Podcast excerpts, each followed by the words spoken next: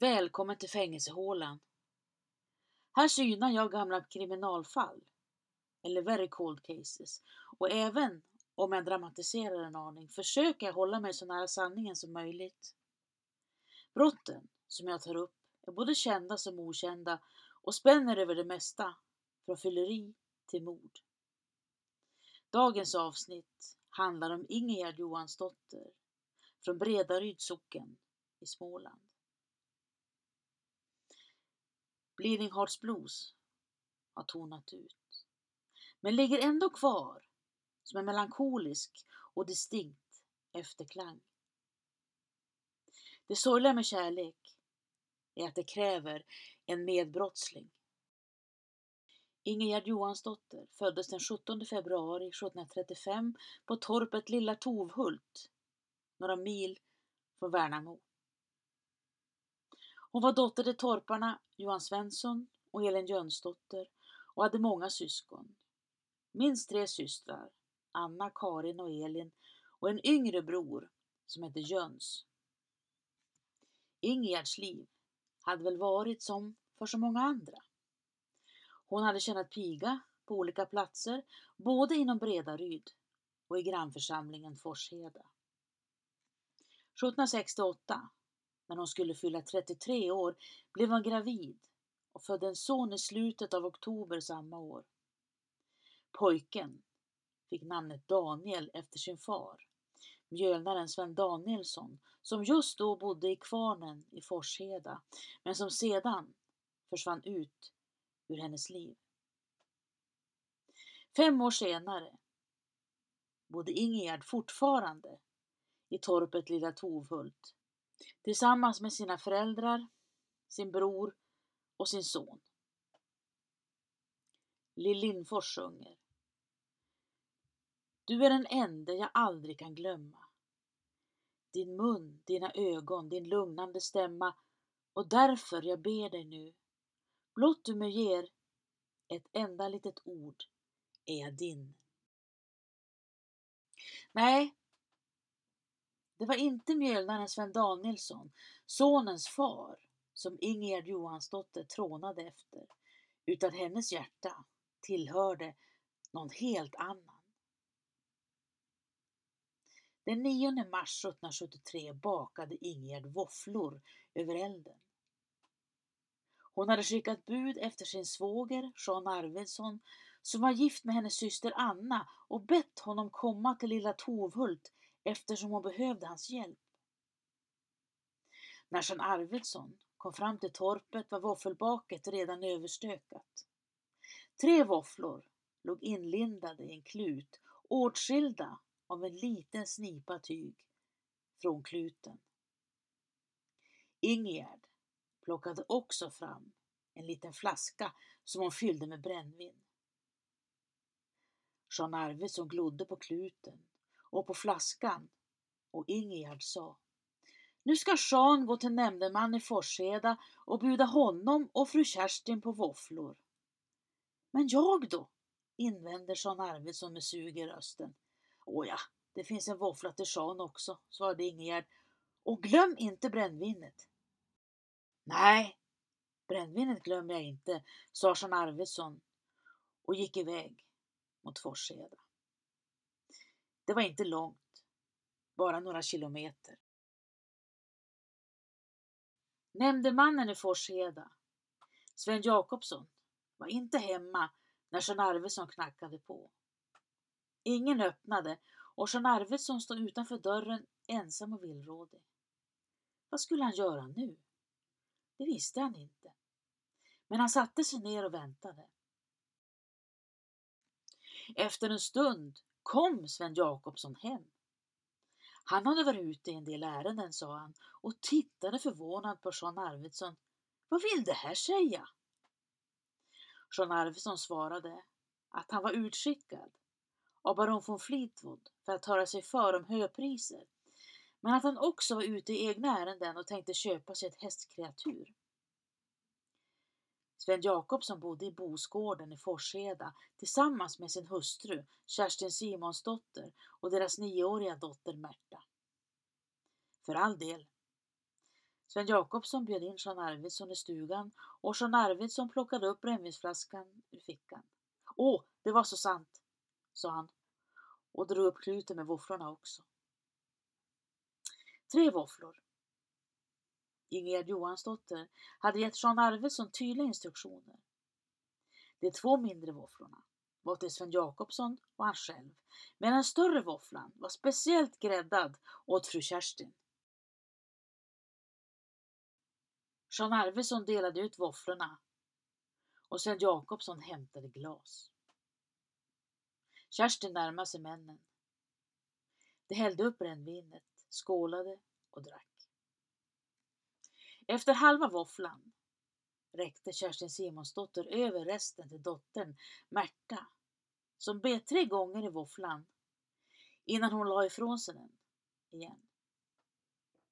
Kerstin plockade upp våfflan ännu en gång och snart hade hon ätit upp allt som fanns kvar. Sen grinade Kerstin illa. Det måste ha varit en ledvåffla, sa hon. Jean Arvidsson reste sig och tog avsked. Nu måste han verkligen fortsätta sökandet efter en häst, sa han. Dörren gick igen efter honom och Kerstin kräktes. Dottern Märta mådde också illa och kräktes hon med. Sven Jakobsson hämtade in färsk mjölk och Märta drack några klunkar. Men Kerstin tackade nej. Hon ville inte ens ha vatten, kved hon. Illamåendet var för kraftigt. Vid fyra tiden på eftermiddagen gick Kerstin till sängs utan att varken ha ätit eller druckit. Dottern Märta lade sig bredvid henne i sängen och när Sven Jakobsson skulle gå och lägga sig några timmar senare lade han sig på bänken för att sova. Men innan han somnade ville han höra sig för med Kerstin och Märta hur de mådde. Kerstin var minst lika sjuk som tidigare, men Märta sa själv att hon nog kände sig något bättre. Sedan somnade Sven Jakobsson på bänken. Vid midnatt vaknade han och gick ut en vända. När han återvände in igen tittade han in till hustrun och dottern. Kerstin, sa han. Hans hustru svarade inte, men dottern, nioåriga Märta, var vaken. Hur mår mor Märta? frågade Sven Jakobsson. Jag tror att mor är död, svarade Märta från sängen. Sven gick fram till dem. Kerstin låg livlös mot kudden och när han kände på henne hade hon redan börjat kallna. Sven sa åt Märta att gå över till grannarna och berätta för dem vad som hänt. Människor strömmade till trots den sena timmen och Kerstins kropp togs om hand medan Sven satt ordförmögen en bit därifrån. Sen gick det några dagar. Läsman Otto Strömsten summerade Kerstin Simonsdotters död. Hon hade plötsligt avlidit efter att ha ätit en våffla. Kunde hon ha blivit förgiftad? Mycket tydde på det. Två ledtrådar utkristalliserade sig ur länsman Strömstens resonemang. En våffla och ett vrångt äktenskap. Han skrev att Kerstin Simonsdotter blivit adagatagen av en våffla samt att hon i livstiden levt i ett mycket omaka äktenskap med sin make Sven Jakobsson. Misstankarna riktades genast mot maken, nämnde man Sven Jakobsson, och Åter Strömsten tog in honom för förhör. Sven Jakobsson var 36 år. Han var åtta år yngre än sin hustru, Kerstin Simonsdotter, som han hade varit gift med i nästan 13 år. I början av äktenskapet hade de bott i Kolabo, men efter en tid flyttade de till Bosgården där de fortfarande bodde. Sven Jakobsson berättade om Jean Arvidssons oväntade besök och höll med om att han uppfattade det som en aning märkligt eftersom han och Jean Arvidsson vanligtvis inte hade kontakt med varandra. Hustrun och dottern hade blivit illamående och kräkts och på natten låg Kerstin död i sängen.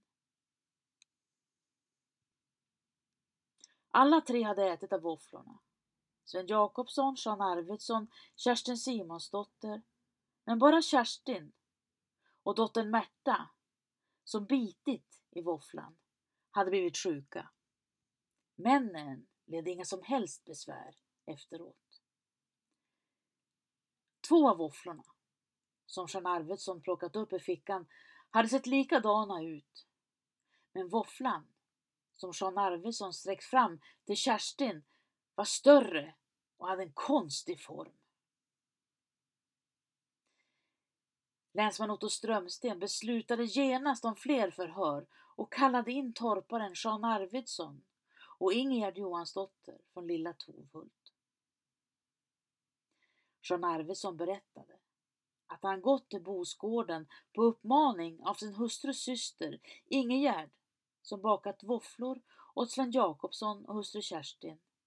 Själv hade han inga ärenden åt det hållet.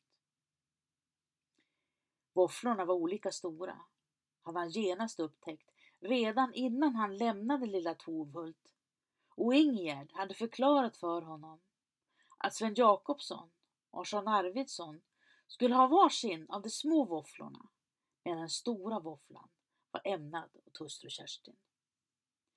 Bjud på starkt också, hade hon sagt till honom. Glöm inte det.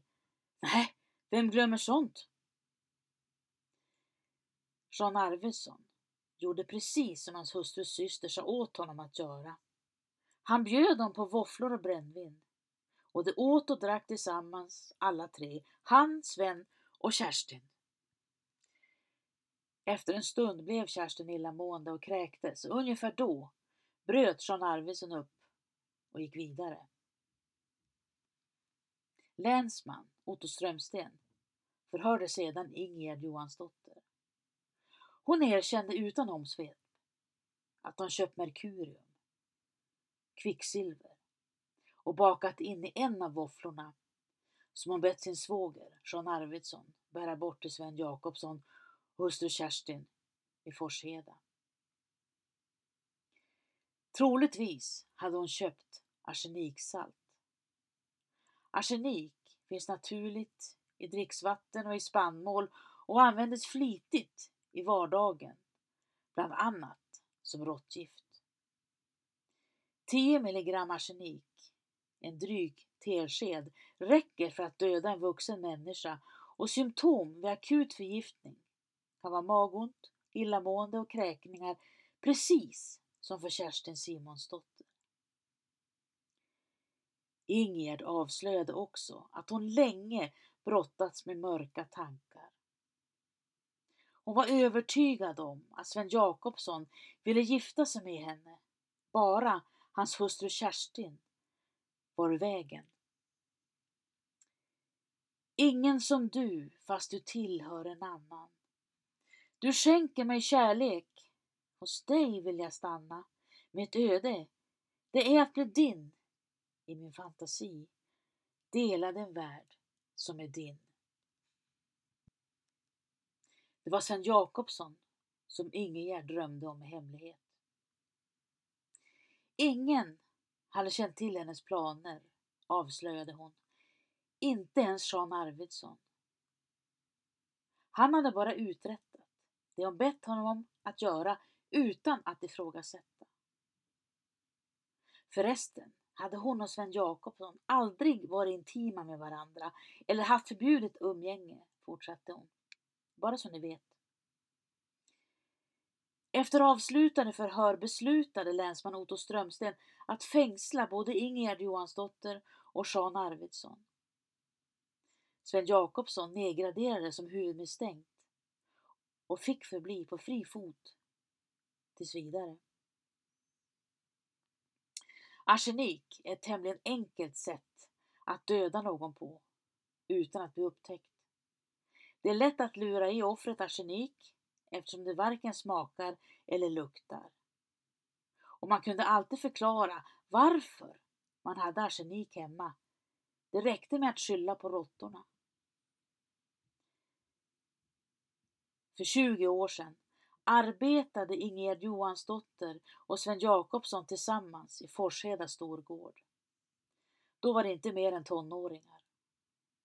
Kerstin Simonsdotter arbetade samtidigt på en annan gård i Forsheda.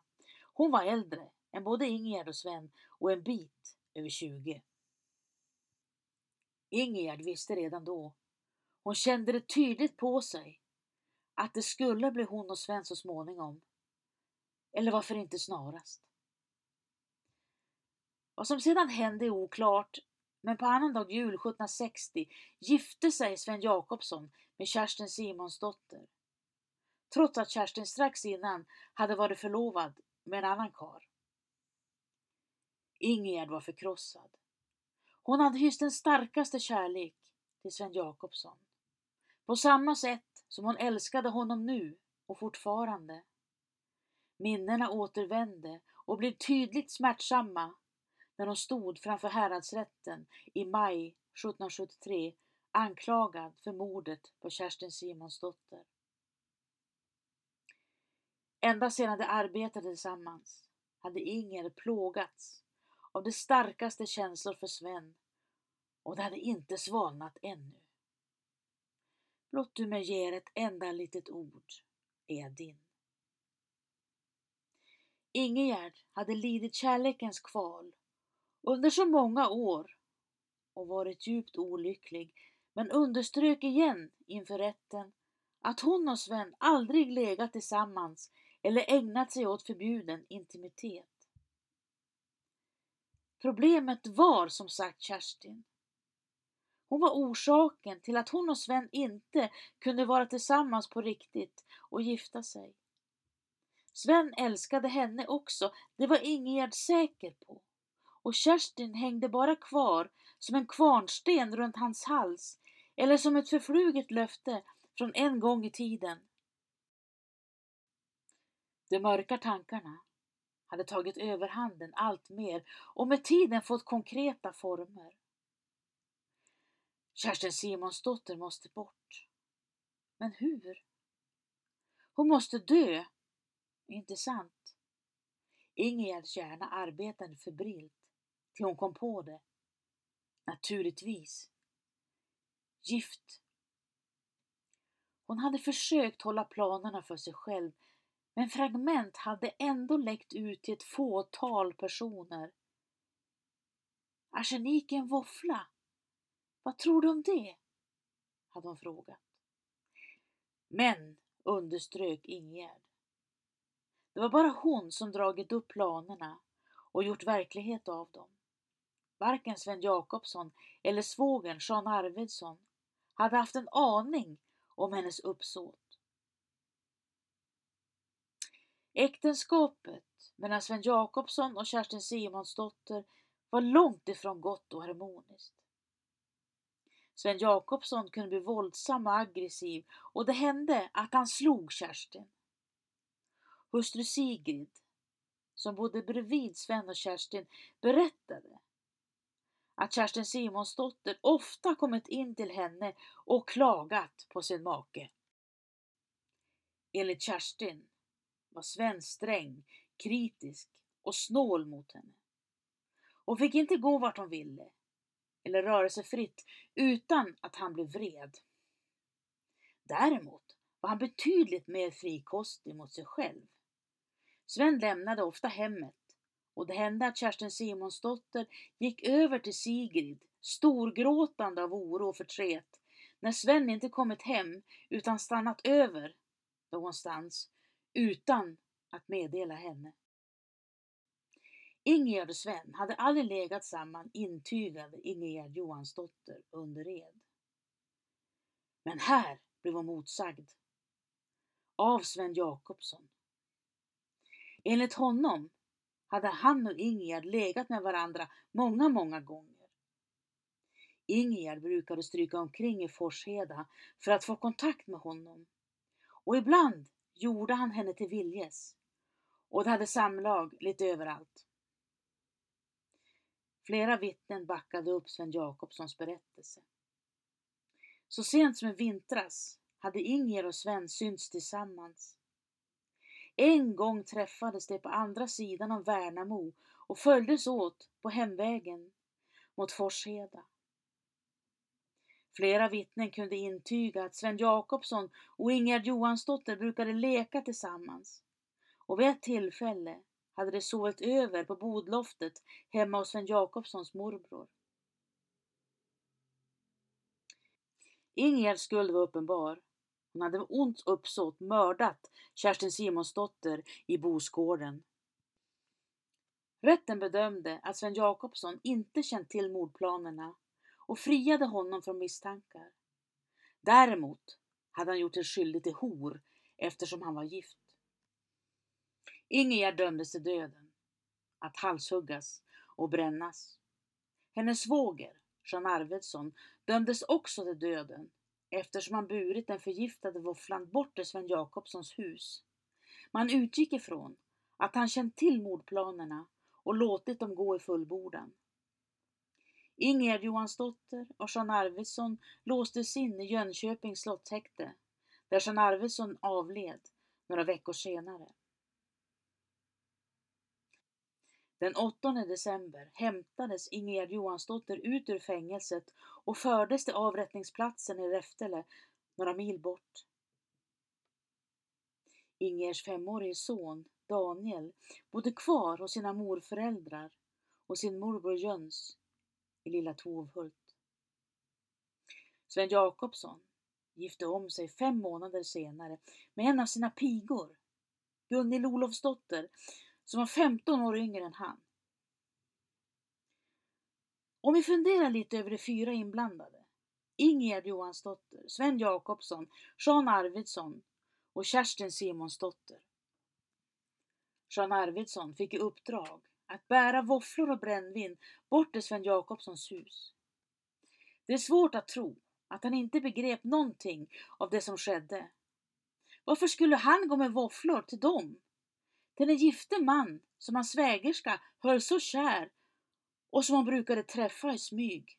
Ja, men det är klart att han kände till förhållandet mellan Ingegerd och Sven. Det gjorde de flesta. Och våfflorna, två små och en större våffla som såg konstig ut, öronmärkt Kerstin. Jean Arvidsson måste ha begripit, eller börjat begripa under besöket. Det enda som talar emot att han begrep eller visste och att han inte ingrep när nioåriga Märta började bita i sin mors våffla. Märta bet. Hon åt inte. Våfflan såg konstig ut och hon la bort den. Det räddade hennes liv. Vi vet inte hur mycket övertalning som krävdes av Ingegerd Johansdotter för att förmå Jean Arvidsson att gå med våfflan till Bosgården. Eller om hon betalade honom en redig slant. Oavsett, han måste ha blivit misstänksam. Kerstin Simonsdotter levde i ett olyckligt äktenskap sedan många år tillbaka. Maken, Sven Jakobsson, var vrång, otrevlig och delvis våldsam mot henne. Hon kände säkert till mannens förhållande till Ingegerd, åtminstone måste hon ha hört envisa rykten. Kerstin Simonsdotter verkar inte ha blivit misstänksam när Jean Arvidsson kom hem till dem med våfflor. Inte ens när hennes våffla såg annorlunda ut än de andra två. Annars hade hon knappast gett resten av våfflan till sin dotter, till sitt enda barn. Det är möjligt att Kerstin började begripa när hon blev så häftigt sjuk, men det vet vi ingenting om. Dottern Märta måste ha tänkt på just det åtskilliga gånger. Hur hon låg i sängen som barn och upptäckte att mor var död. Bilderna fladdrade säkert i hennes huvud. Ju äldre hon blev, desto mer begrep hon. Även om sin far. Sven Jakobsson verkade inte hysa misstankar mot våfflorna som Ingegärds svåger serverade honom och hustrun, utan han åt och drack i godan ro. Det är inte ens säkert att han funderade över Ingegärd när de åt och skålade tillsammans. trots att det var hon som gräddat och bjöd. Medan Ingegärd helt säkert tänkte på Sven och bara på Sven i samma stund. Ingegärd var övertygad om Alltså, att Sven Jakobsson älskade henne på samma sätt som hon älskade honom och hade plågats av ovisshet och besvikelser under många långa år. Nu skulle hon fylla 38. Det var dags att ta tag i saker och ting och fösa ut Kerstin ur bilden. Skilsmässa kunde det inte bli tal om. Döden var enda utvägen. Sven Jakobsson spelade ett högt spel. Men han begrep nog inte hur farligt han spelade. Att kärleken skulle vara tålig och mild är en överdrift. Den kan vara riktigt smutsig och ful också. Eller Bleeding Hearts Blues. For nothing more to lose.